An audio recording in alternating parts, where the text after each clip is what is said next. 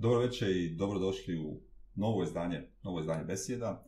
Samo večeras, osim medijima krajišnika, koje inače znate i svaki put da gledate u, u ovoj emisiji, e, dvije gošće, e, sa nama Sandra Moratović, profesorica psihologije u drugoj gimnaziji u Sarajevu i psihoterapeut i Moja heroina, Ajna Jusić, nadam se da se mi donijela knjigu. Jesam. A, psihologinje, Da.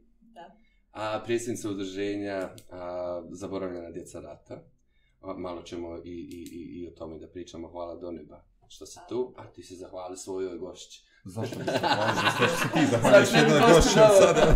Nemoj tako sad, Šalim čovjek. se. Sandra, hvala vam puno. Hvala, hvala. Hvala vam. A, uopće je vrlo teško govoriti o tome kako početi ovu večerašnju temu. Dakle, govorimo o nečemu što je ovih prethodnih dana nakon svjedočenja prošlu subotu, čini mi se, glumice Milena Radulović u, u Beogradskom dnevnom listu Blitz o silovanju koje je proživjela u školi za glum, privatnoj školi u Beogradu. Dakle, pokrenula čitavo lavinu svi drugih stvari, svjedočenja, Uh, nečega što, pa evo, sudio bi se čak i reći, vjerujem da veliki dio nas je čak i svjestan da postoji, ali čini mi se onom trenutku da su odlučili uh, žrtve da progovore o, o tome sa čime se sve suočavaju, sa kojim svim oblicima silovanja, seksualnog nasilja, e, verbalnog nasilja zapravo govori. S druge strane, pogledamo da kažemo u kom to mi nasilnom društvu zapravo živimo i je li to jedini mogući oblik i zapravo šta je preduvjet iz, tega, iz čega sve to proizilazi da imamo ovoliki broj žrtava seksualnog nasilja i silovanja na kompletnom ovom prostoru koje, koje ovaj, je trenutno u štokavskom govoru području koje je trenutno ovdje u fokusu. Zašto je to bitno za, za, za besede o obrazovanju? Mi smatramo da, da obrazovanje je jedan veliki medij, jedan veliki alat u kojem se um, vrijednosti usvajaju na vrlo eksplicitan i implicitan način, da se kulture i norme koje postoje u društvu i tekako um, na tom mjestu i, i, i procvjetaju, i internalizuju i sve što ide u skladu s tim, tako da mislimo da je, da je ovo jedna odlična tema za besedu o, o obrazovanju. I još jedan zapravo segment o onome što je govorio Dejan Ilić prije nekih 5 ili 6 godina, a danas je ponovo podsjetio nas na tekst Pedagogija bića, govoreći o, o filmu Wish Flash, dakle o, o, o konceptu ono, u smislu u kojem učitelj bubnja mora da ponizi svoga učenika kako bi on došao do toga, mi zapravo generalno govorimo o pedagogiji ili o školama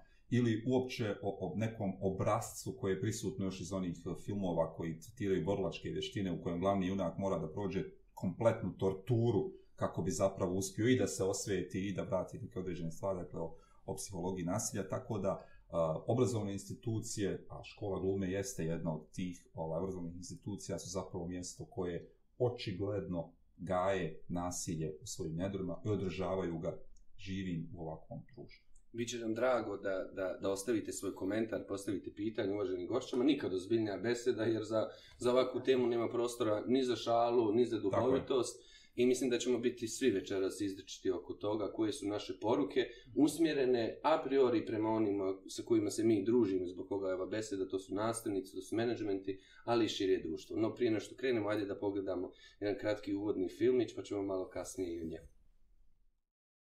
Vršnjačko nasilje je kada te neko fizički povrijeđuje, udara, podapinje, šamara, dirate protiv tvoje volje ili te vrijeđa, ruga ti se i smijavate, ako te naziva pogrdnim imenima, širi glasine o tebi, trača, omalovažava ili te isključuje iz grupe pri čemu se ti loše osjećaš i jako ti je neugodno, a ne možeš zaustaviti to ponašanje. Bilo koje od ovih ponašanja može biti nasilno. Postoji i internetsko vršnjačko nasilje, kada se sve ovo dešava preko društvenih mreža ili e-maila. Ako se ovakvo ponašanje ponavlja ili izgleda kao da će se ponavljati u budućnosti, posebno je neugodno i može biti i opasno za tebe. Tada govorimo o vršnjačkom nasilju. Dosta djece opisuje vršnjačko nasilje kao ponašanje druge djece pri kojem se ružno osjećaš radi onoga ko si i kakav si. Nasilnici mogu biti različite dobi i dječaci i djevojčice, ne moraju biti veći i stariji od tebe. Nasilnici misle da su jači od ostalih i da imaju pravo tako da se ponašaju. Ono što moraš znati jeste da niko nije zaslužio da bude zlostavljan i da se prema njemu ili njoj neko nasilno ponaša. Nema opravdanja za takvo ponašanje i nikada, ali baš nikada, takvo ponašanje nije ispravno. Nisi kriv ili kriva za nasilno ponašanje prema tebi.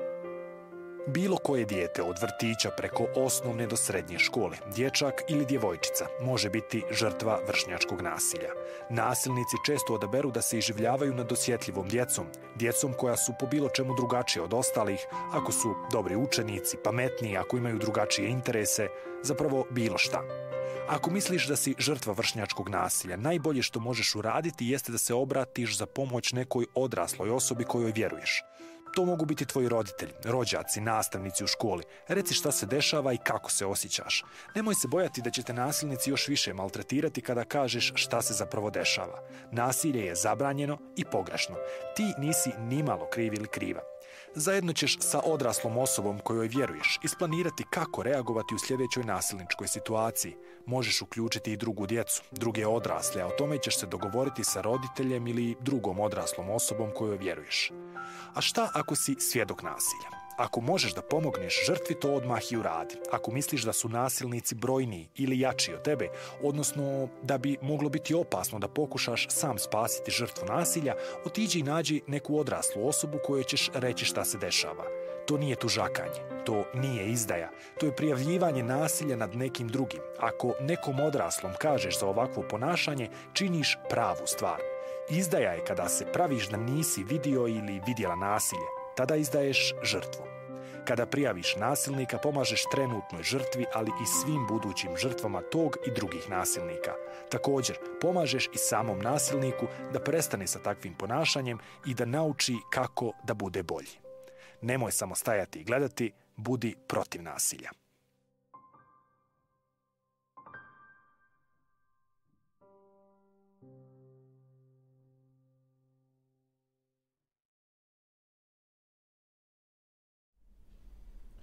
Sandra, kako smo uopće došli do toga da njegujemo kulturu nasilja unutar samog društva i obrazovnog sistema? Zašto su bili potrebni filmovi poput ovoga i da li su oni u trenutku kada su napravljeni pomogli da se na bilo koji način pomaknemo ka nenasilnom društvu, manje nasilnom društvu? da. Um, kako smo došli do ovoga? Pa lijepo. Godinama godinama se trudimo, decenijama i stoljećima i, i milenijuma, vjerovatno ide nam jako dobro. Um, mislim da to znači nije, nije samo stvar um, obrazovanja, apsolutno, nego je jednostavno ovaj stvar kompletne te paradigme u kojoj živimo, filozofije života, uh, usudit ću se reći patrijarhata, jeli, um, koji jednostavno ne dozvoljava, tek možda zadnje koliko mi možemo, 50 godina, otprilike, jeli, možda 70, da, da, da, da, ne znam ja, da žene dolaze do izražaja da pričaju nešto, da kažu kako se osjećaju, da počnu da rade, da imaju neka prava i tako dalje. E sad, e, što se tiče nasilja, nasilje je, jel, isto koliko, koliko sve ovo traje, koliko civilizacija traje, pa imamo i nasilje. Mislim, nasilje je način na koji postižemo ono što hoćemo. Vrlo jednostavno. Mislim, u korijenu riječi nasilje imamo na silu, pretpostavljam, mm. ti ćeš to bolje znati, tako da ću ja postići nasiljem ono što mm. hoću, tako što ću primijeniti silu. Jer valjda fina riječ nije funkcionisala ili ja nikad nisam naučila pa da iskoristim. Um, ovaj film je nastao, reći ću, prije par godina kada je, uh, kada je Mahir Rakovac, sjetit ćemo se svi Mahira, uh, tragično, znači tragično završio svoj mladi život. I tada je bilo u medijima, e, užasna pomama je bila, da li je zaista Mahir bio žrtva nasilja, vršnjačkog nasilja ili nije. Ne znam koliko se sjećate, sjećate vjerovatno. I mene je to jako pogodilo. Mislim, zašto postoje organi jel, koji na kraju krajeva trebaju te stvari rješavati. Zašto ljudi sumnjaju u to? Zašto a priori sumnjaju? Meni je to bilo neshvatljivo da ti možeš sumnjati u to onako a priori ne znajući ni, ni dječaka, ni, ni kontekst u kome se to dešavalo, ni nikakvu priču. Zašto?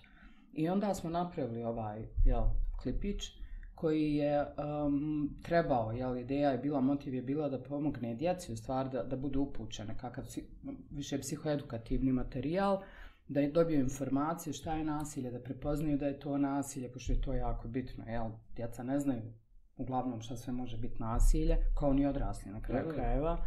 Ovaj, I eto, ne znam. Je, možda su zapravo njihova svakodnevnica je nasilna kao tako. To, to svakako, mislim, paziti, kada otvoriš, nije bitno kad, kad, kad odiješ na bilo koji portal, mm -hmm. otvoriš portal da vidiš šta se dešava, nasilje, nasilje, nasilje, recept, nasilje, nasilje, nasilje, recept, jel? Ili pornografija, ili neko da. opet, ono neko nasilje, nasilje.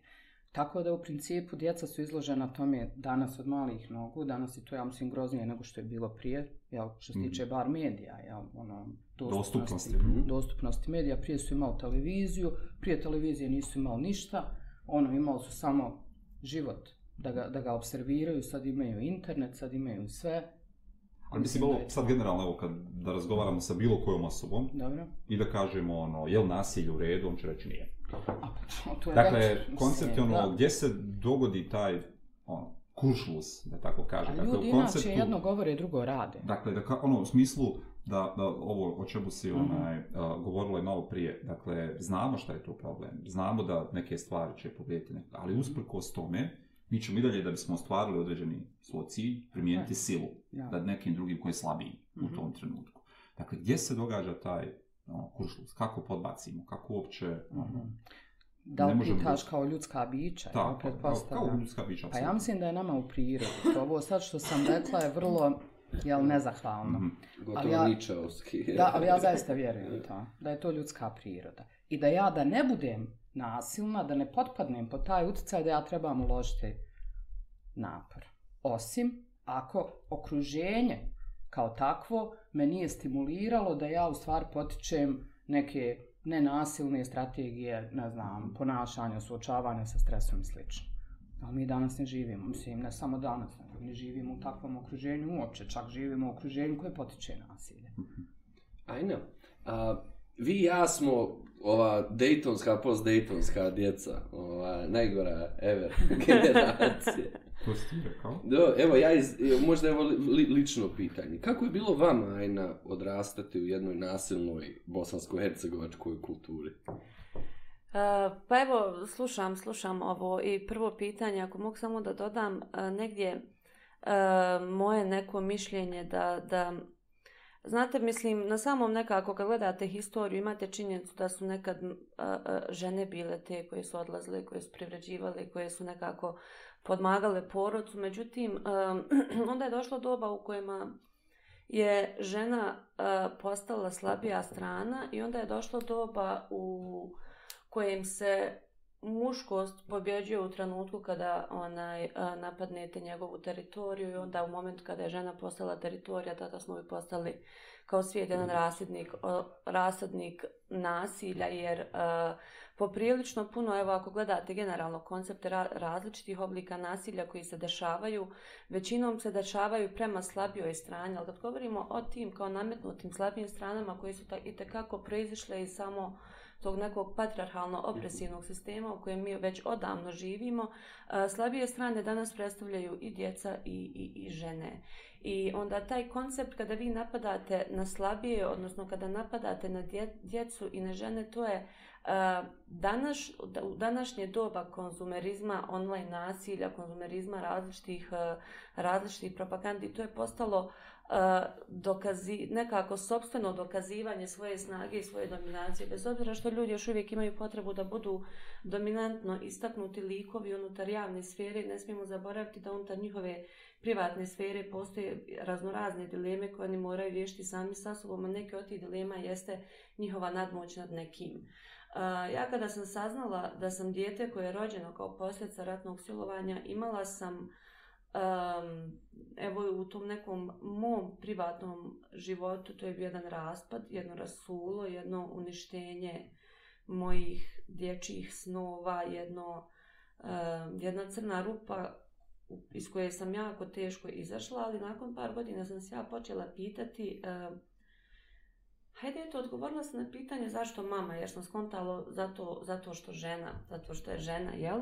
Nekako mi je to mišljenje bilo nametnuto u društvu, ali sam se počela pitati zašto je taj čovjek to učinio. Uh, odakle, odakle nastaje ta, naprosto, odakle nastaje ta, ta, ta, ta, ta želja da, da, da toliko budeš nadmoćena nekim, da mu u, nekako prekineš jedan lijepi tog životnog samozadovoljstva koji, koji, koji nekako raste kako mi, kako mi onaj sazrijevamo. Onda sam ja samo shvatila da u tom trenutku uh, ljudi koji vrše nasilje nad nekim, bez obzira što jako često čujete izlike da je to bilo nasilje po autoritetu, kako čujete po maratnim pričama da su po autoritetu izvršavali masovna silovanja, isto tako imate, nažalost, jako veliki broj muškaraca koji je odgojen tako da, da mora biti dominantan i da mora biti jak i da mora biti glavni.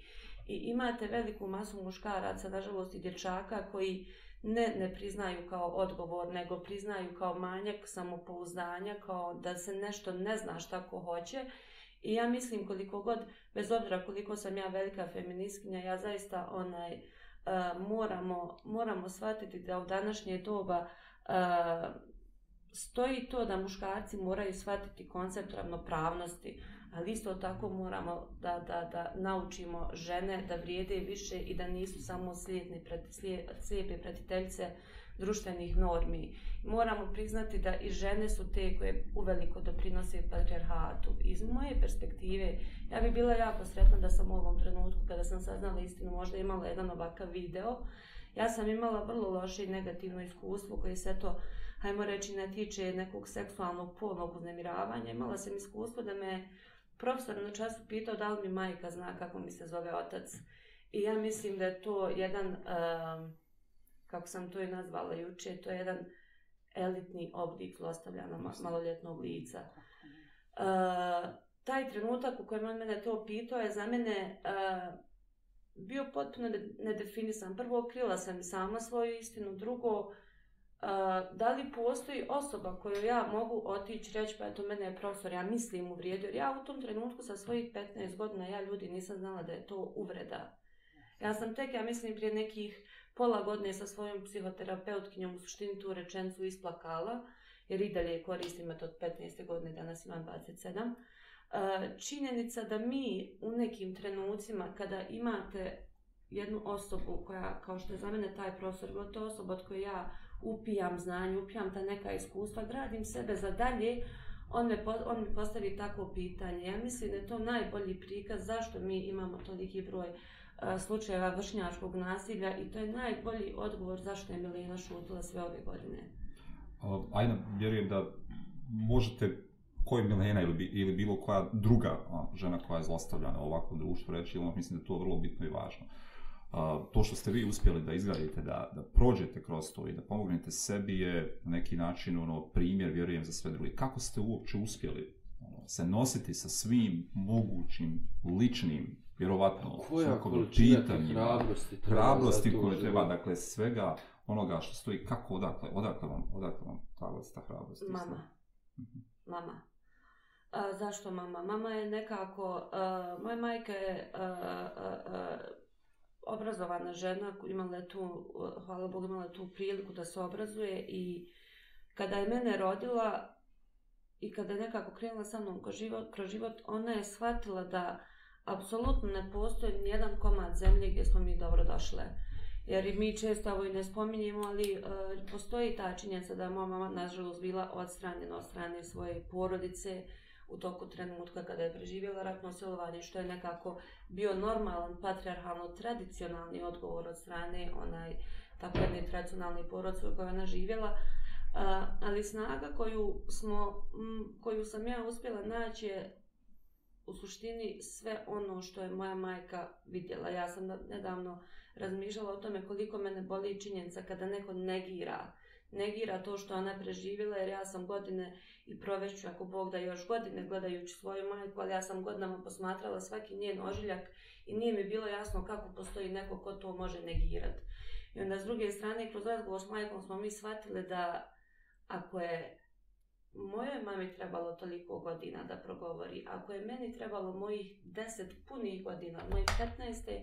do 25. kada sam progovorila prvi put o tome, samo sam pomisla, a šta je s onim djevojkama koje nemaju apsolutno osobu s kojom će razgovarati o tome? Šta je s onim djevojkama? Jer moja mama kad je otišla da radi određene nalaze, i određene policijske iskaze kada je preživjela ratno oslovanje, nije baš da je dobro došla. Moja majka je došla sa stomakom do zuba u bolnicu da se porodi, niko nije pitao što je sama.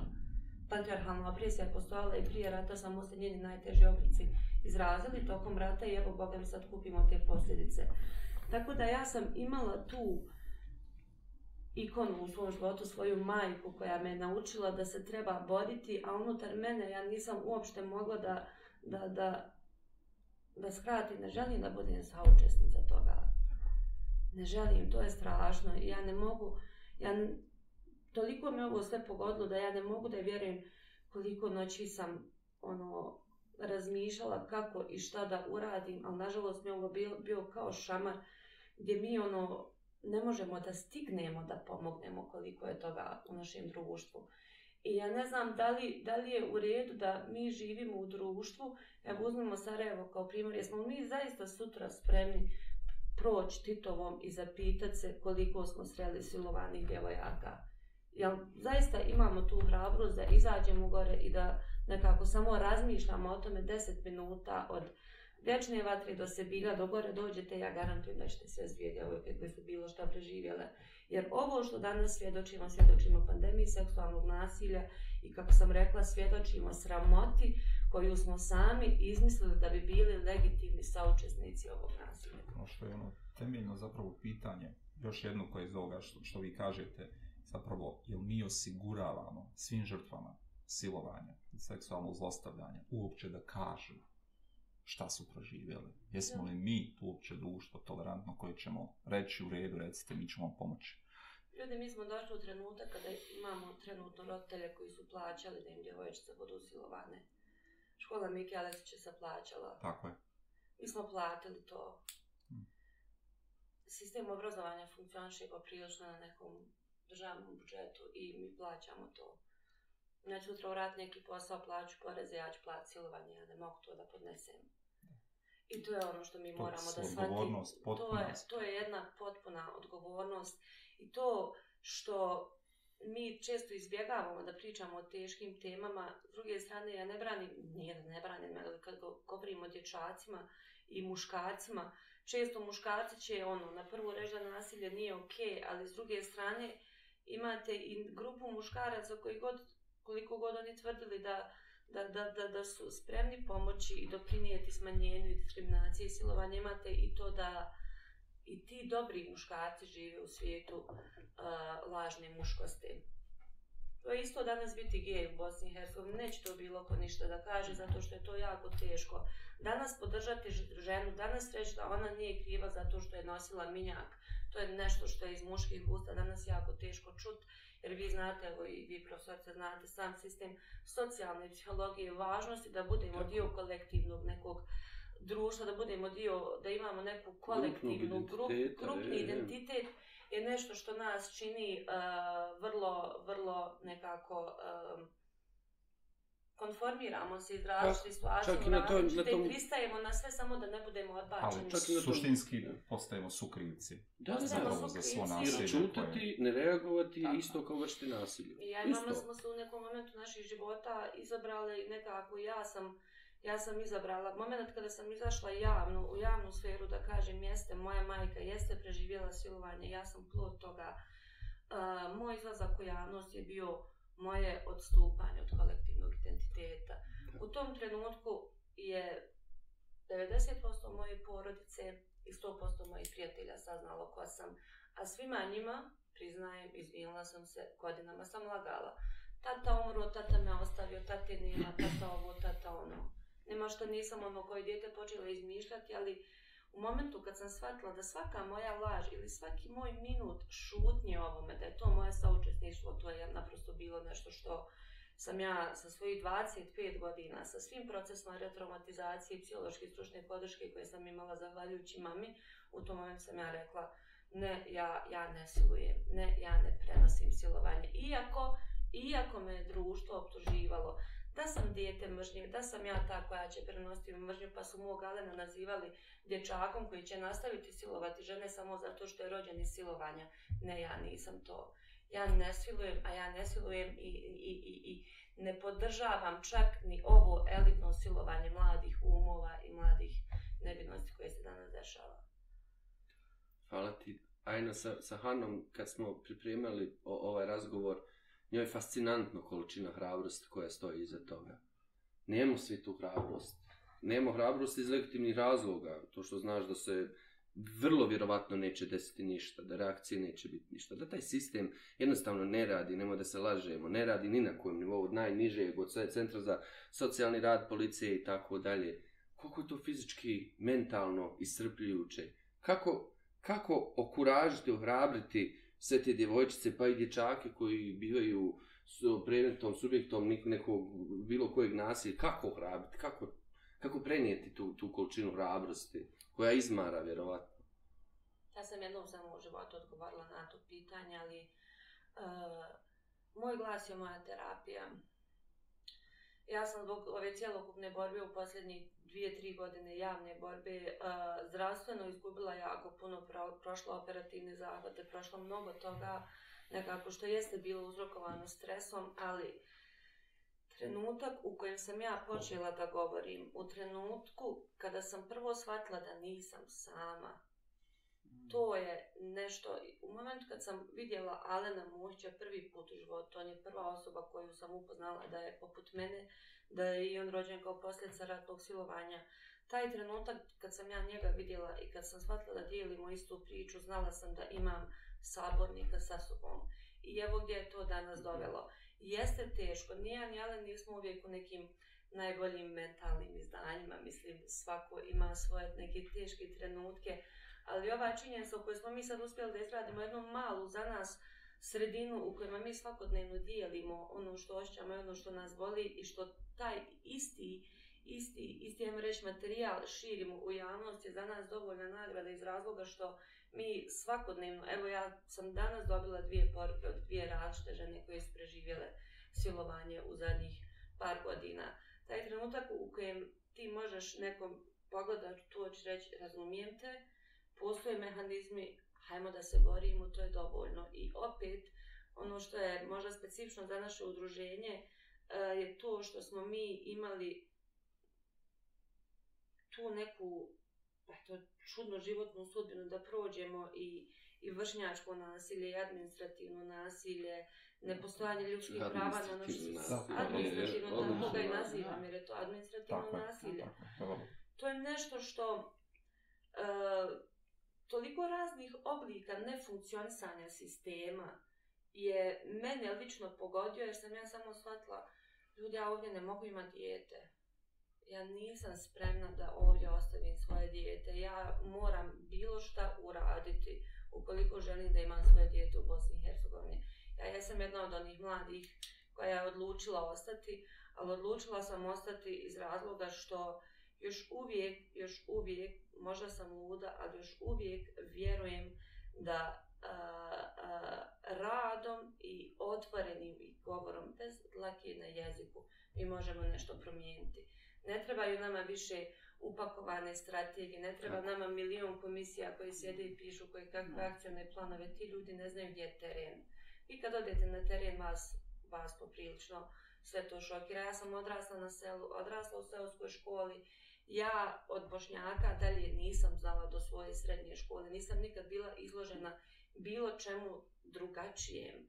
Ja kad sam došla u srednju školu, kad sam upoznala taj neki novi spektar ljudi, sam došla u Sarajevo, ja sam rekla, pa dobro čovječe, nije, nije, nije život jedna kuća na kraju dana. Nije život jedna kuća i za naše kuće postoji još mnogo ljudi s kojima zaista možemo učiniti nešto. Ja mislim i voljela bi da mladim ljudima barem na neki mali način naše udruženje bude neka motivacija, jer smo mi zaista od pepela smo se nekako sastavili u malu ptičicu koja sad leti i pokušava nešto Kako Sandra, nekoliko, mislim, na desetine bitnih stvari ovaj, rečeno ono što mene zanima ovdje. Škole jesu mjesto nasilja. Mm. Tako, kao tako. Mogu li škole osim što jesu mjesto nasilja, postati mjesto početka suočavanja sa nasiljem? Možemo li imenovati stvari? Dakle, možemo li reći, aha, ovo je nasilje? Možemo li pomoći mladima da kažu, da prepoznaju koji je nivo i koji bi bili preduvjeti za to? Pa u principu škola bi morala Mhm. biti mjesto od koje kreće borba protiv nasilja. Odnosno, hajde da kažem, neka, neko mjesto gdje će učenici, nastavnici, svi koji, koji, koji dolaze u tu školu imati svoj mir i moći raditi ono od čega su došli, jel, bez nekih, ne znam, nasilničkih ponašanja. Ovo što, što je Ajna malo prije rekla, ja ne znam, ja, ja moram stvarno ovaj, se osvrnuti na to trenutak kad je Ajna izašla prvi put da kaže javno, jel, da kaže javno da je u stvari jel, dijete kao posljedica ratnog silovanja. Taj trenutak je nevjerovatno bitan. I možemo, mislim, to ja ne znam, ovo što je Ned malo prije rekao, ko bi imao hrabrost zato ko bi imao snage. Znači, nije samo hrabrost i snaga i izdržljivost, valja to iz- izdržati, valja to živjeti poslije, jel, toga Tako s tim. To je jedan trenutak. Tako je, nije to Da, jedan onda trenutak, nije to impuls. pričati, Znači, da, to da. nije impuls, to je znači određenje životno. Um, ali uh, to u stvari može, trebao bi svako. Svaki nastavnik, svaki prosvjetni radnik, svaki učitelj. Pa ste vi imate učitelje sa onim malima. Znači, učitelj modelira ponašanje, uč, učitelj pokazuje kako se treba ponašati. Ne trebamo više govoriti jedno rad drugo. Mogu ja govoriti nasilje ne valja, a vamo vrijeđati učenike na, neko, na bilo kojem osnovu. Jel? Ili fizički kažnjavati ili, ili ne znam nija, jel, davati uznemirujuće komentare. Od toga nema ništa. Svi mi pratimo kako se neko ponaša, a ne šta govori. Znači, u principu, trebamo mi svi pojedinačno, ja vjerujem, iskoračiti, jer ako budemo čekali sistem, ako budemo čekali iskreno ministarstvo, PP, zavod i ostale strukture koje se bave obrazovanjem, da se sjete da to inkorporiraju kako treba u, u, u školu, u život škole, ma da, sve. da to bude kako treba, ništa od toga. Nažalost, meni, ja mislim da je sve do ličnosti, trenutno, kakva je sad situacija. A ličnosti onda trebaju gurati da sistem radi svoj posao. Znači, sistem stvarno treba odraditi svoj posao. Kako može sistem odraditi svoj posao? Pa tako što će se napraviti pod broj 1 svi ti silni protokoli postupanja, hodogrami, Tako. doslovno. Ovo upravo, ne bih šta ću volio, ja, nemo- kako ću... nemojte mi zamjeriti, jer ne bih volio da ovakve stvari ovise o dobroj volji Pa upravo, pa nekog to kažem. učitelja, nastavnika, bilo koga u društvu, Da. hoće li on kao reagovati Pa ili neće. Ma, Znači- bilo je poslije, znači ja mislim sada stvarno nisam sigurna, ja te stvari zaboravljam koje, koje su mi uznemirujući, imam taj jedan primitivni mehanizam odbrane gdje stavljam pod tepih. Znači nisam sigurna Odličan kad se ne valja ništa, znači kad tad izađe ispod tepiha i dovede raje još, pa ne valja.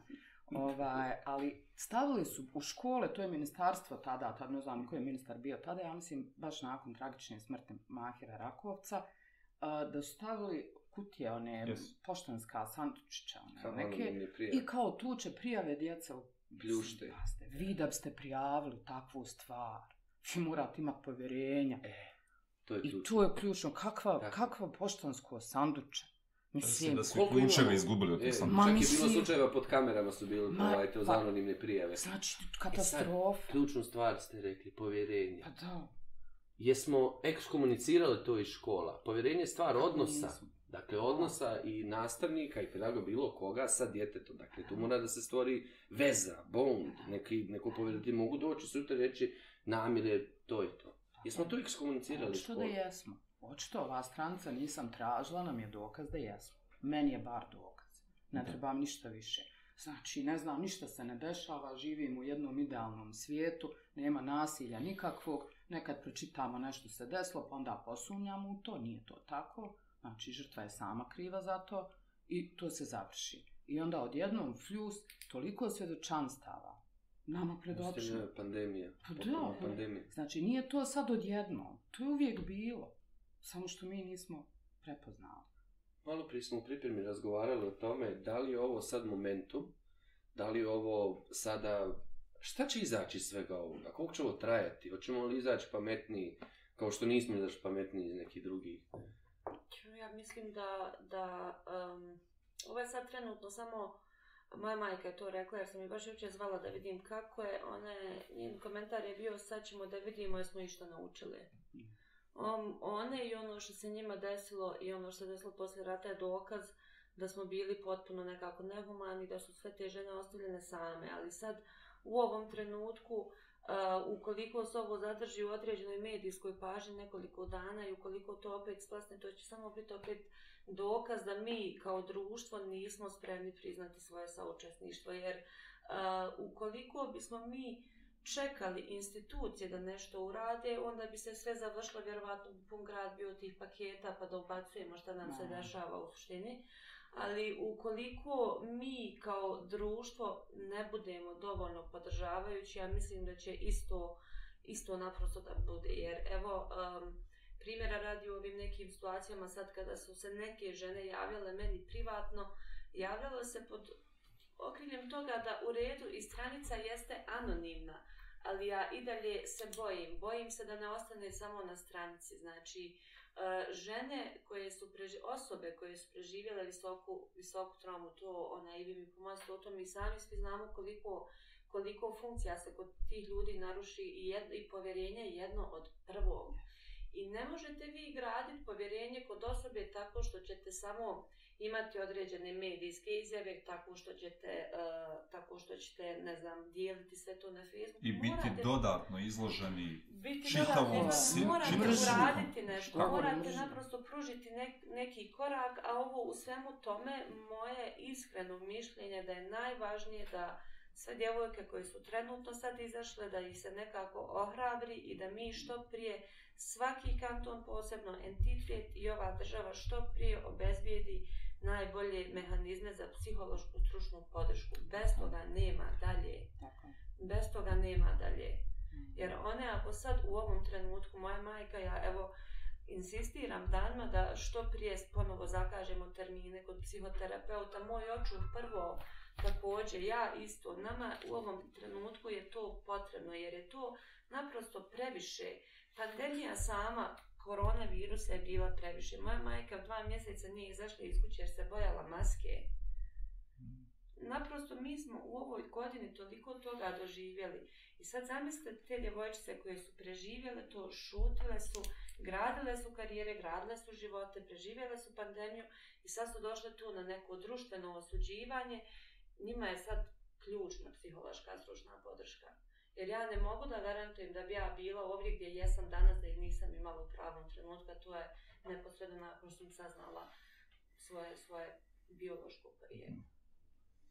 Jedno, možda je sad pravo pitanje, pravo vrijeme za, za, za to pitanje.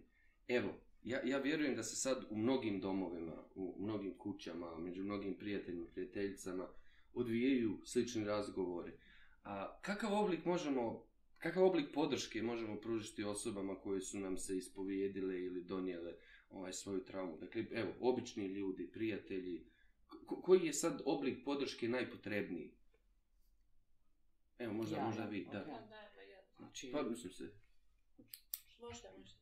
ova, ja mislim da osobe koje nisu stručne uvijek mogu pokazati razumijevanje, empatiju i pitat mogu ti kako pomoći. Kako ti ja mogu pomoći? Znači, bez nekog pametovanja, možda si trebala ovako, možda si trebala onako, možda nisi smjela, možda si htjela, nije bitno. Znači, nego pitat kako ti ja mogu pomoći, to je strašno što si prošla, e, hajmo sada da vidimo, ja, šta ti treba, kako ti ja mogu pomoći.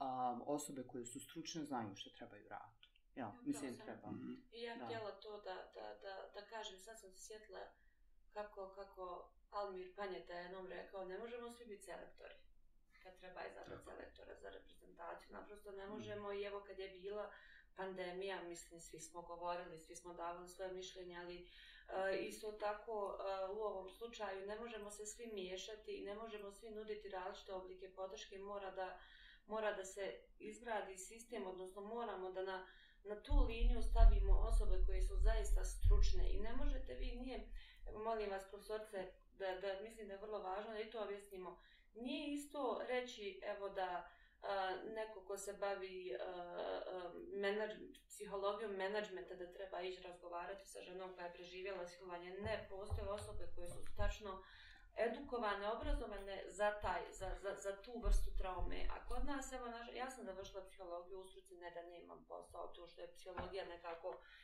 svakodnevni način života, to je drugo, ali vi morate da pogledate situaciju i to je nešto možda se ne tiče nedime pitanja, ali uh, mi smo ovdje preživjeli rat i većina naših profesora, nastavnika i većina ljudi koji su nekako akteri u obrazovnom sistemu su nosioci određene vrste traume, jer su ti ljudi bili tu kada je trauma se rađala ratnim dejstvima. S druge strane imate, imate ljude koji mimo ratnih trauma vuku određene, određene lične traume i imate raz, različite vrste nažalost, moram reći, patologija unutar obrazovnog sistema koji, koji, koji postoji i koji odgajaju našu djecu.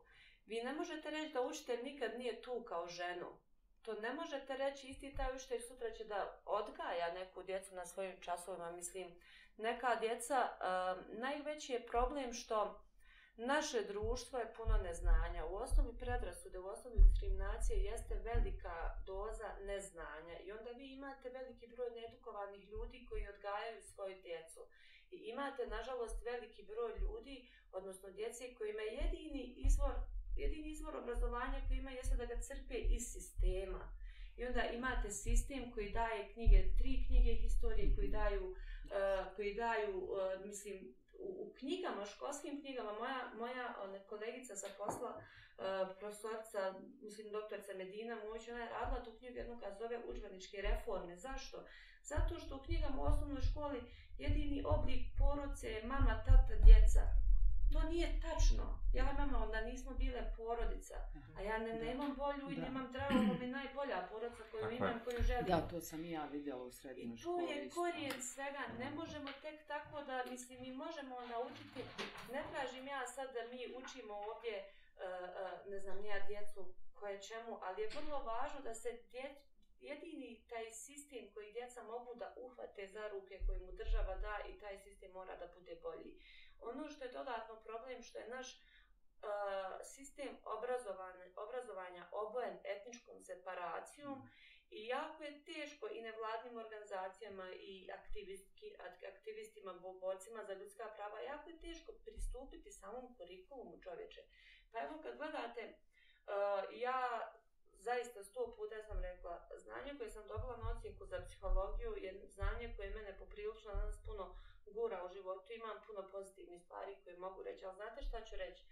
Nismo nikad imali nijednu lekciju o silovanju. Jedina lekcija koja se o silovanju radila je to što sam ja pitala profesorci i profesorci mi rekla da mogu uraditi seminar na tu temu.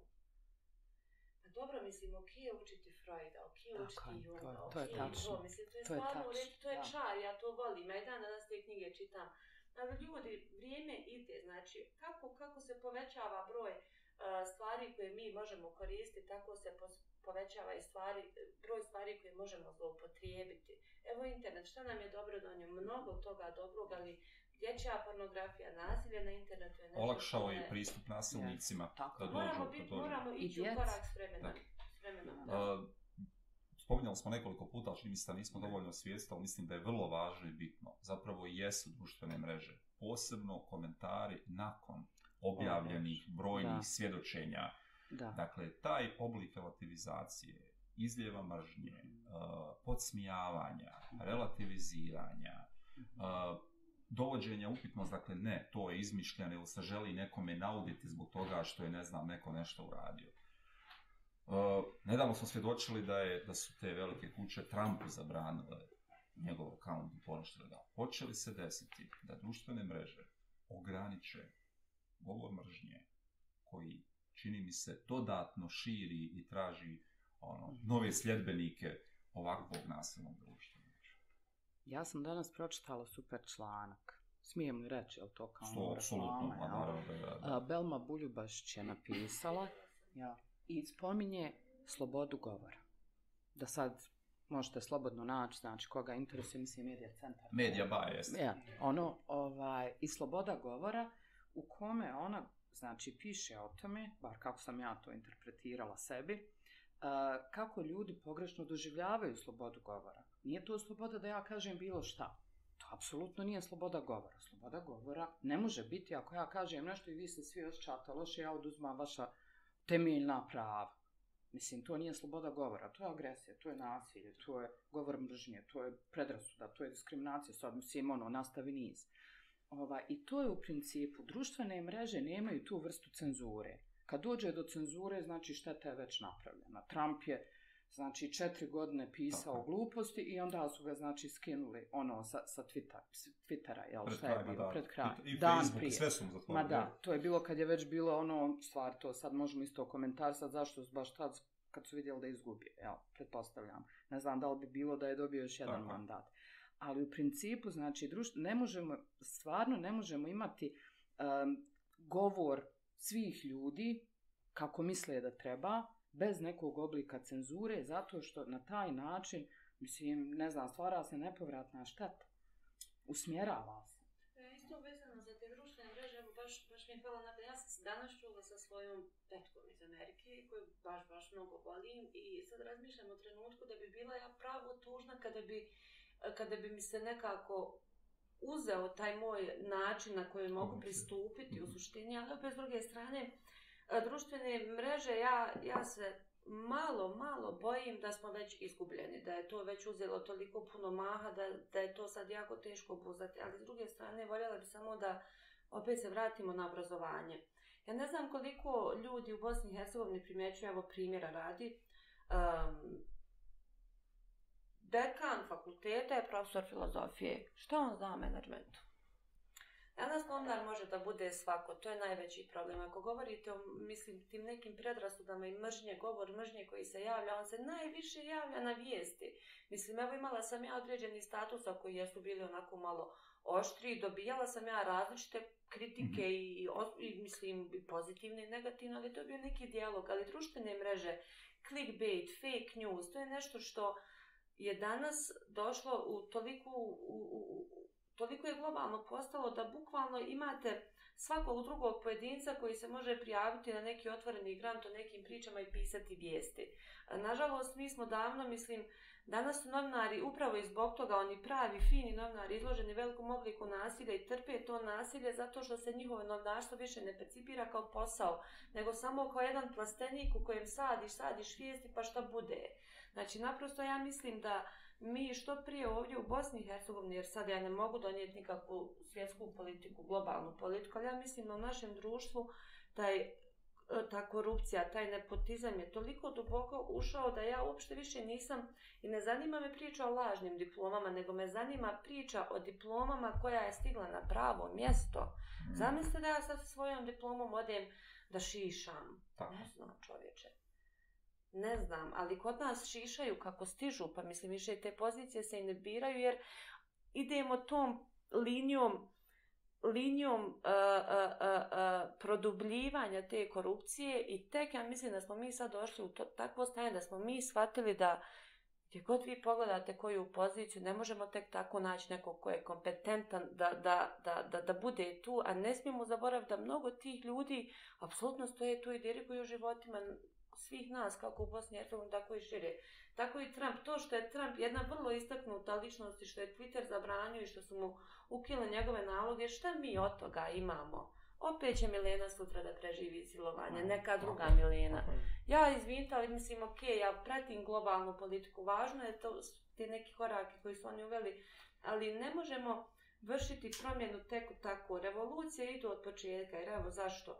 Moja majka kad je preživjela silovanje bila je apsolutno odbačena. U momentu kada sam ja izašla u javnost, mamina je jako mala zajednica, jedno selo u Zagrešma, ljudi su počeli lagano da shvataju šta se dešava.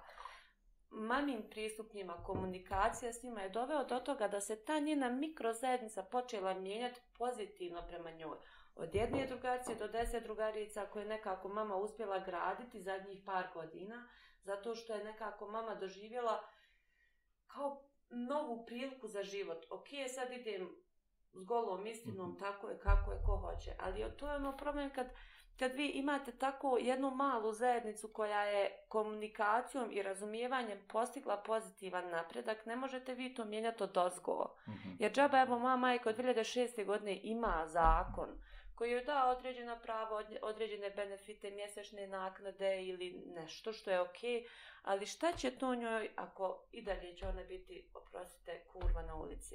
I zato su mene stalno, mislim i nas stalno pitaju kad ćemo malo požuriti sa zakonom, prvi historijski zakon, super, neka zakon, ali čaba meni taj zakon ako će ja otići i opet preživjeti bilo kakav oblik diskriminacije i čaba taj zakon ako će opet sutra neka djevojčica da preživi silovanje ili neki dječak.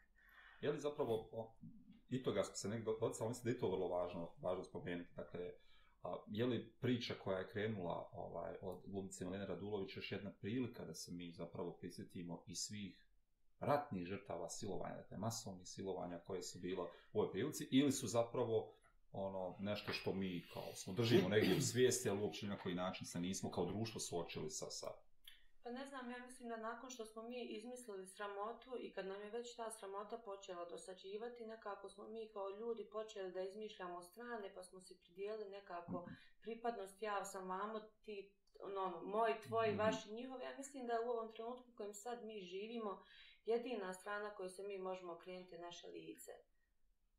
Ako nas zanima šta je sramota, ovo je sramota. Mhm. Ja mislim da ovo, da ovo je jedina sramota koja se može definisati tom riječu. Sve ovo drugo što je bilo sramota nije tačno. Ja mislim da ako mi kao društvo koje smo preživjeli i ostavili 20 do 40 hiljada silovanih osoba i muškaraca i djevojčica i dječaka, žena i ako smo mi toliko bili apatični, toliko nas nije zanimalo da smo to opet dozvolili i opet i tad i sad jeste kriv sistem, ali ako smo mi opet dozvolili svu ovu diskriminaciju, nema tu više sistem toliko ulogu, ima ulogu, ali ja mislim da na kraju dana svi trebaju napraviti izbor, biti dobar čovjek ili biti loš čovjek. Ja mislim da smo mi u ovom trenutku loši ljudi ovdje. I da ako želimo, ne može sistem biti dobar ako si ti loš. ako su članovi može, sistema loši Ne može, ne može. Tako da ovo je trenutak kad se svi mi trebamo malo preispitati sami sa sobom i zamisliti svoje majke, svoje sestre, braću, nebitno, sve najbliže i naj, nekako najvoljenije. I ako smo spremni gledat u, u, u, u silovanje naših najmilijih, onda je nama super. E, spominjali smo također i kurikulum i školu i sve druge stvari. Dakle, evo ja sad ono zamišljam i sanjam, ako bi se na časovima historije, bilo kojim drugim časovima generalno, sad zanemarimo čak i predmete, govorilo o posljedicama ratovanja, o posljedicama nasilja, a ne o glorifikaciji ratnih junaka koji su ono sami na 40.000 vojnika kao Rambo jurišali ili ne znam spašavali neke druge stvari. Da li bi to bilo prilika da mi zapravo vidimo šta je posljedica rata, a ne šta je spomenik koji smo Bojim podigli. se, da, da, bilo bi sjajno. Ali to bi značilo da smo mi zrelo društvo. Ne? Ja, znači kada bismo mi tako razgovarali sa djecom na času. Ne samo iz historije, nego i svih Tako. predmeta. Znači sve od prvog razreda osnovne, pa sad prilagodi uzrastu djeteta da zna. Na taj način dijete bi znalo šta je rat, pa ne bi trčalo, ne znam ja, da se igra rata i šta ja znam kasnije da vodi rat. Ili da bude nasilan. Ali uh, u principu mislim da to baš nije ono pozdravljena politička Mm. odluka. Jel, u Ta tom. muška isto. Da, da. Ja isto Upravo. mislim da... Meni je žao, ali ne mislim da, da bi to ono, na taj način funkcionisalo. Izvini. Da, ali ja sam isto nekako stava da... Meni nikad niko u školi nije objasnio šta je mir. Ali rat, da. Ali rat da, ja nekako... Mir je ona meni- pauza meni- između ratova. E, Sad, meni, ja sam, evo vidi kako ćete vidjeti u ovoj knjizi, ja sam puno papira potrošila pokušajući skontati šta je mir. Mir se osjeća, jel to je nešto što je tako, ali ja mislim da um, treba djeci u, u, u- školama objasniti uh, razliku između ratnih spomenika i živih spomenika, jer smo mi odavno već ovdje živi spomenici u suštini koji Mm, samo lelujaju i čekamo da se nešto desi. Um, mi nikad nismo imali tu neku vrstu edukacije koja u školama koja nas je učila o ratu, koja nas je učila o miru, nekako učili smo. Um, edukacija kod nas u Bosni i Hercegovini te uči da pripadaš negdje. I to te nauči. Te, mene je u osnovno školsko obrazovanje naučilo da ja pripadam negdje. To što je meni mama nekako dala vjetar u leđa da ja vidim gdje ja pripadam, to je druga stvar jer sam ja dobila tu i priliku negdje, sad gledam to kao priliku sa 14 godina da se odsnem. Onaj, ali ne trebamo djeci davati lekcije, ok, ti pripadaš toj strani, trebamo djeci davati lekcije da, da, da, da, da, da pripadaju dobroj strani, jer je opozit samo loša i ništa više. Jer ovo što mi njih sad učimo jeste um, kategorija po, po nekom nacionalnom nivou, po etničkom nivou, po kantonalnom nivou, da li si žena, da li si muško, jesi li gej, da li nisi gej, da li pripadaš bogatoj porod, da li pripadaš ovoj, da li... Mislim, prvi dan na našem fakultetu nam je, nama je profesor prozivao koje je bošnjačke nacionalnosti, koje je ove, koje one, ja treba da dižem tu ruku. Zašto? Ja sam čovječe došla da studiram psihologiju. Ali drugačije kad to studira bošnjak I psihologiju, to je, ali to je taj sistem obrazovanja koji je tu nametnut. Vi ne možete, mislim, vi ne možete, neće se nikad riješiti, ja sam samo rekla, Dayton je ništa do žuta štampa čovječe, ne može se ništa riješiti dok ga interpretira kako ko hoće. I ja ne mislim da je Dayton, odnosno da je to što smo mi dobili tu vrstu podjele, da je to nešto što će biti uspješno. Jer nas niko nikad nije naučio, ok, postoji, uh, postoji svaki pojedinac u školu da te nauči, svaki pojedinac ima pravo izbora. Da li želi da čini zločine, da li želi da čini dobra djela. Kod nas to djeca ne znaju. Mislim, oni 5-6 naših časova demokratije što mi imamo i pročitamo neku svesvicu, nešto ne skripta, ne znam nije šta je, mislim, ja se uopšte ne sjećam jedne lekcije. Je to usputni Da, dodani zato se predmet ja, koji se ali ne zato dotiče? se sjećam kako Da, da. je rat počeo, koja granica je bila, koja tu. Da. Svaki To je nešto nije što dijete treba da uči. A ja bi samo I niti je ovdje- stvar ono pre- predmeta, u našoj Da, filozofiji da, nije da, stvar da. predmeta, Da. to je vrijednostna stvar koja mora biti prisutna svugdje. Svugdje. U matematici, tjelesnom odgoju, Patrožima, sve. sve. Da, da. I svakog nastavnika. Da, to- Možda za vas, profesorce, um, kako i na koji način, je, da, da li, evo, prvo za početak, da li o tom pričamo, ako ne, kako i na koji način pričati o rodu, seksualnom, seksualnom nasilju u, u, u školi. Da. Mogu ja samo prvo ovo štajna? Ne, ne, samo bi, samo bi super je stvar rekla tu kako, kako, kako nas u stvari, to što je Ajna spomenula malo prije socijalna kategorizacija. Kada mi, to je prvi korak u pravljenju stereotipa koji onda vodi diskriminaciju i znamo sve predrasude, diskriminaciju i sve kako ide, jel? Znači, prvo ide socijalna kategorizacija, sjajno, mi i vi. A onda ide poređenje to socijalno, mi smo uvijek bolji Mahom od vas. superiorne Mi pozicije. smo bolji. Da, da. kakvi god da smo, bolji, pametniji, ljepši, nije bitno načitani.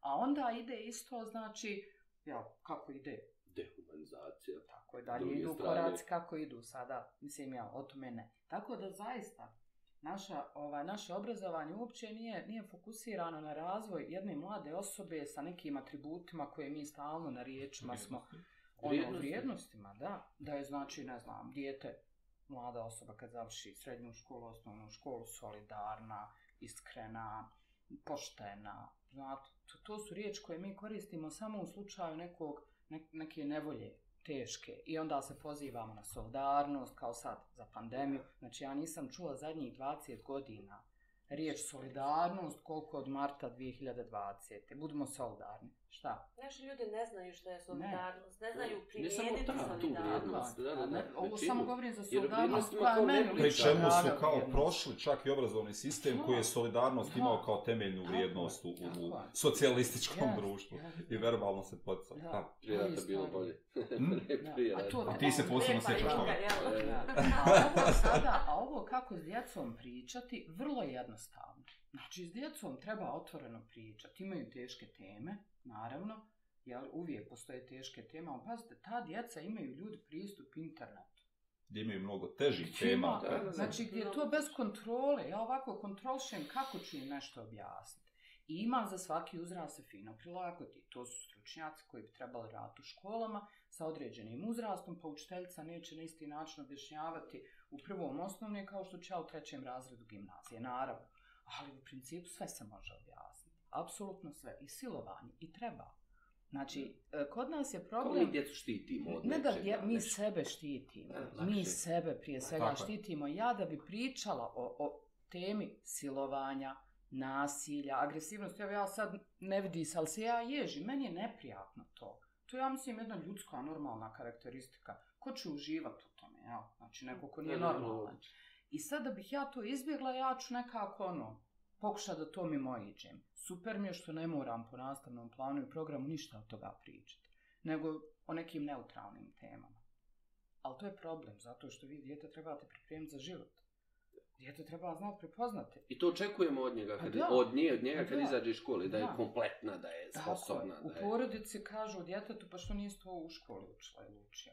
U školi kažu to je stvar porodice. Dogovorite se. to tako. Dogovorite. Da, ali tu još postoji problem što um, nekad, nekad previše očekujemo i od samih profesora. Pošteno. Naravno.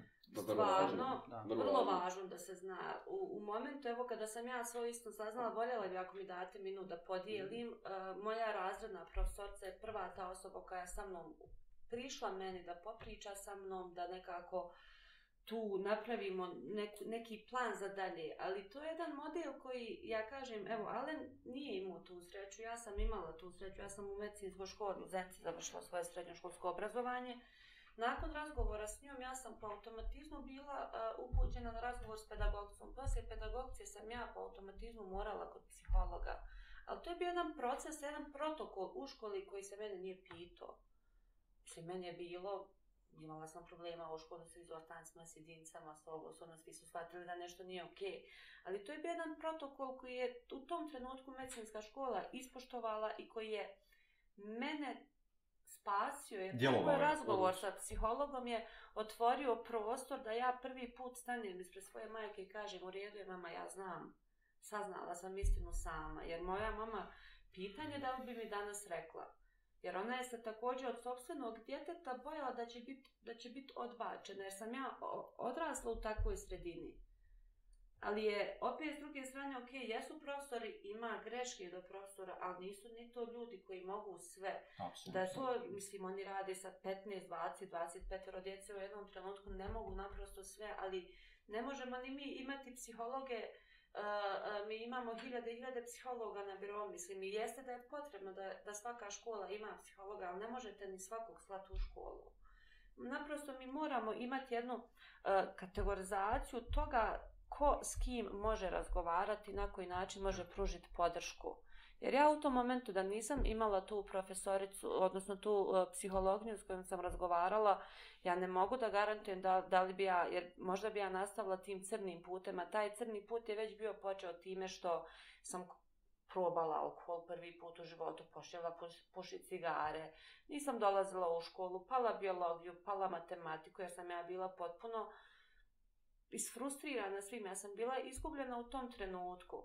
Jer sam ja shvatila da je cijeli moj život laž. U suštini nije on bio laž. Moj život je bio prelijepo nešto. Mama mi je sve prelijepo dala.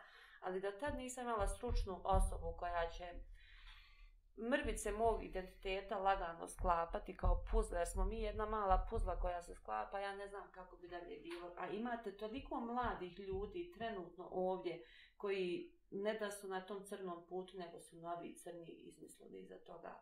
I to je nešto što, što moramo da shvatimo i, i, i, i, i ne možemo U redu je imati jednog vođu, uvijek postoje lideri, ali isto tako ako imamo lidere za nešto, ako imamo lidere u kući, jer su nas učeni da u kući uvijek muško glavna, da je muško glava, to je nešto što nije, nije naprosto u redu. Ko, ko, u mojoj kući mama je glava, mislim, jel, šalim sad, u mojoj kući je postoje neki dvostrani odnos gdje smo se mi dvostrano edukovali, ali kad dođete u neke škole, vi znate da imate male zajednice gdje je jedan nastavnik na cijelo selo. Tako. Pa šta očekujete vi od tog čovjeka, od te žene?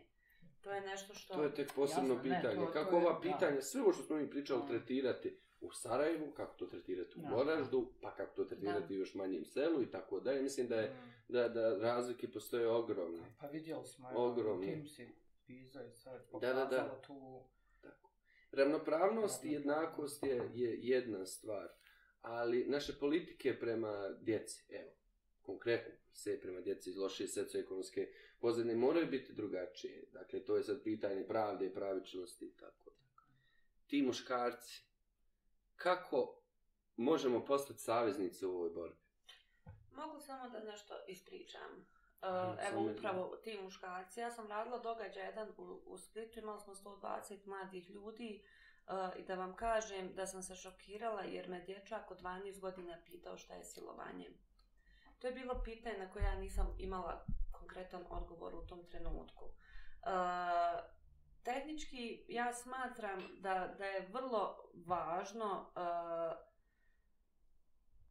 da očevi, da roditelji, majke, glavni, kao glavni nekako, uh, on, oni su glavni u odgoju djeteta unutar kuće, moraju shvatiti da bez obzira da li je dijete muško ili žensko, ono ima i mora imati emociju, mora imati filter. Da, Jer ja sam toliko dugo bila ljuta. Ja sam ljudi bila toliko ljuta da, da ja, i to mama stalno ponavljala, Ajna je toliko bila ljuta da se ona plašila koliko sam se ja ljutila i na društvo i na sve. Nisam mogla da vjerujem.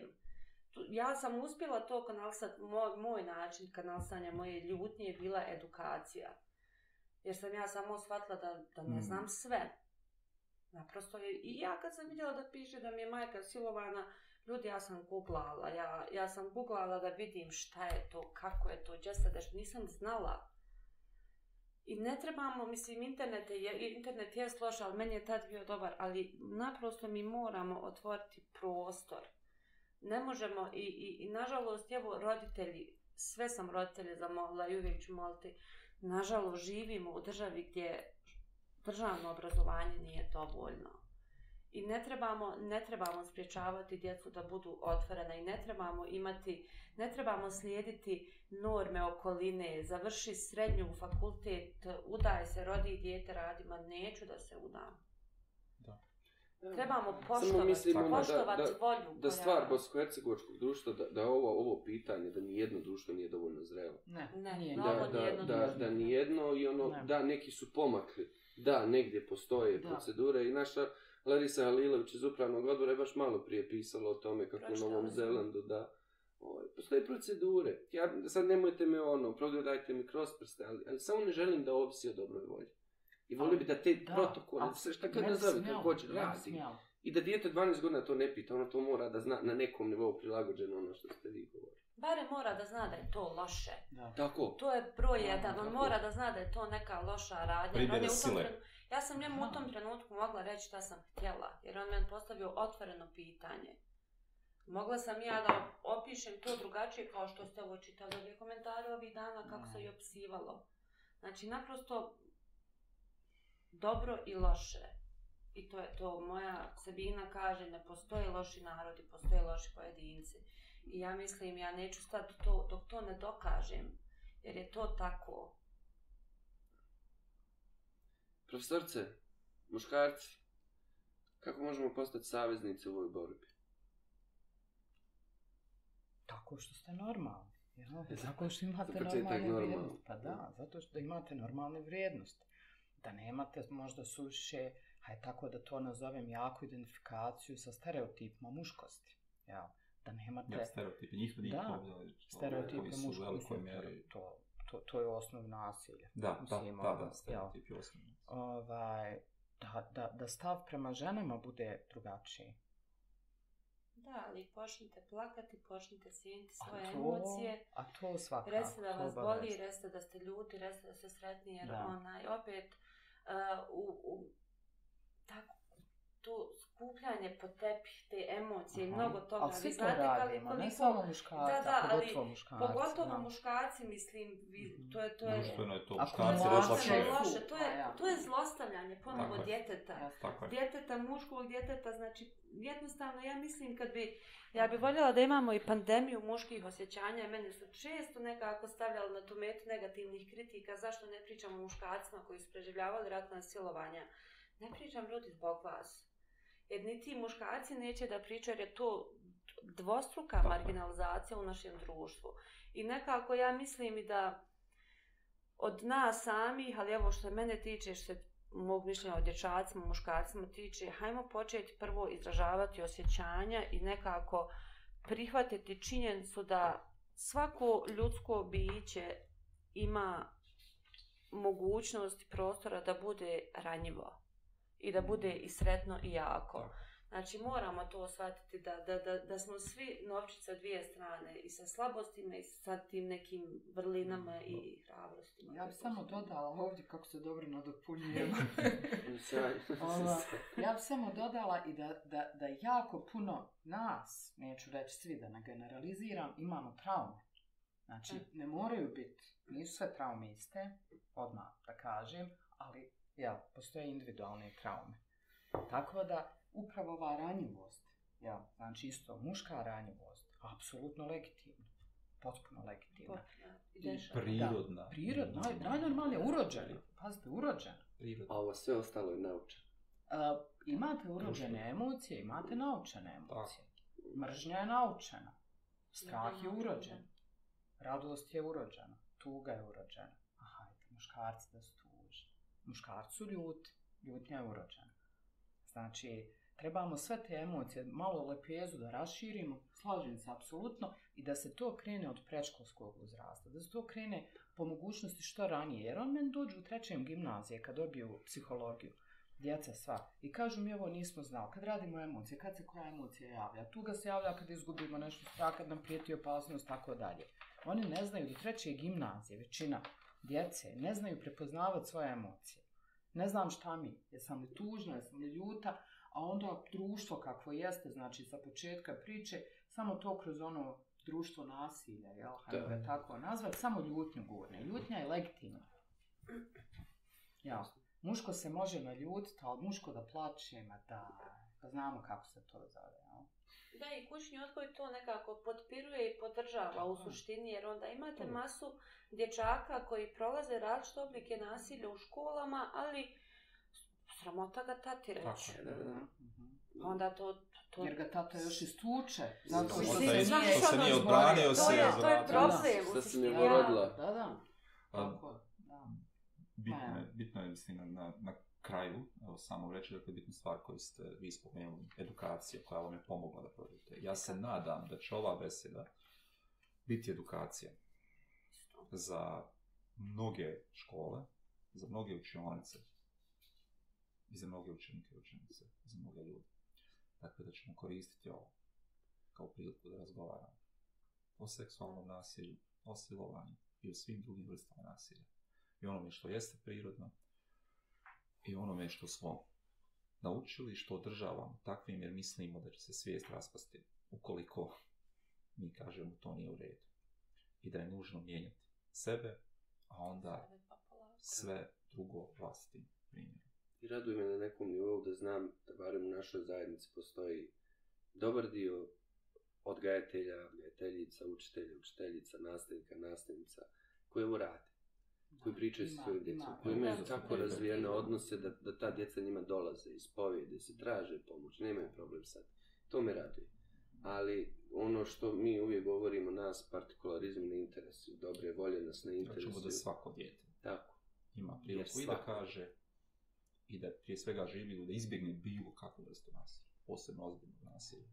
Dakle, to bi bilo idealno. Ali dok ne dođemo do tog trenutka, dakle, da makar osvijesti šta jeste nasilje i da kaže da trpi nasilje ili da je preživjela nasilje. To bi, vjerujem, bila stvar, korak koji nije teško napraviti Ali neophodan. i nužno, pa Nužno, bilo kako nužno. nužno. Dakle, da bismo sačuvali zdrave individue, a samim tim da bismo imali mnogo zdravije društvo. Profesorce, do neba hvala. Nismo Hvala mi ništa dotakli. Hvala, nismo, možemo svašta, možemo mi kućno sutra opet doći. Serijal beseda. Ali da, ja, ja sam za da, da, da, da dalje Ja- pričamo. Da, u Da se principu, opet vidimo. ja mislim da ako ništa besjede, jel, mogu biti te koje, koje će ispoštovati, hajde da kažem, taj kon, kontinuitet razgovora o, o ovoj temi. Znači, imate jako puno ljudi u Sarajevu, u državi koje možete zvati, samo nastavite, da se ne završi sa ovim. Jer ako se završi, onda sigurno. ono, Neće. jel, Ne. samo Da, završi. I samo Da. no, ono sanjam dan kad ćemo i inkluziju, i nasilje, i sve ja ovaj, početi izdvajati, izdvajati iz pojma obrazovanja. Meni je obrazovanje to sve. Nemoj mi to izdvajati. Ono bi trebalo Da, da podrazumijeti da. ne nasilje, nego Da. ovo. Ne Da, nasilno, ako je, ako je humanističko Da. obrazovanje. Da. hvala. Ajde, na Hvala. do neba hvala. Hvala vama. Baš, baš, baš mi je drago kad, kad imam priliku ovako otvoreno da kažem, da se osjećam slobodno da kažem kako se osjećam i što, što mislim. Nije bilo ovo lako, ali, bože moj, mnogo stvari život nije lako. Mi smo ispred besjede spremili jednu odjavnu poruku, koja je onako iz namirovog i mog srca, pa nam dozvolite da završimo ovu besedu sa sati. Drage nastavni, dragi nastavnici, prije svega, onda drage nastavnice, ne dajte svoje učionice, čuvajte ih, svako biće u njoj.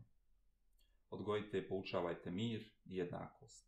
Mir među svima, jednakost svih živih bića. Razvijajte kritičko mišljenje kod svoje djece. Stvarajte dječake koji će zbunjivati svaki drugi pogled, osim onog koji kaže nasilje je najprimitivniji animalni ispar Svake vrste. Naučite ih to. Naučite ih vrstama nasilja da prepoznaju i znaju šta da rade kad vide nasilje, osjete ga. Njegujte i poučavajte vrijednosti. Kad dijete ima jasan set vrijednosti i kritički propituje svijet oko sebe, tradiciju, kulturu, onda i kroz život korača lakše.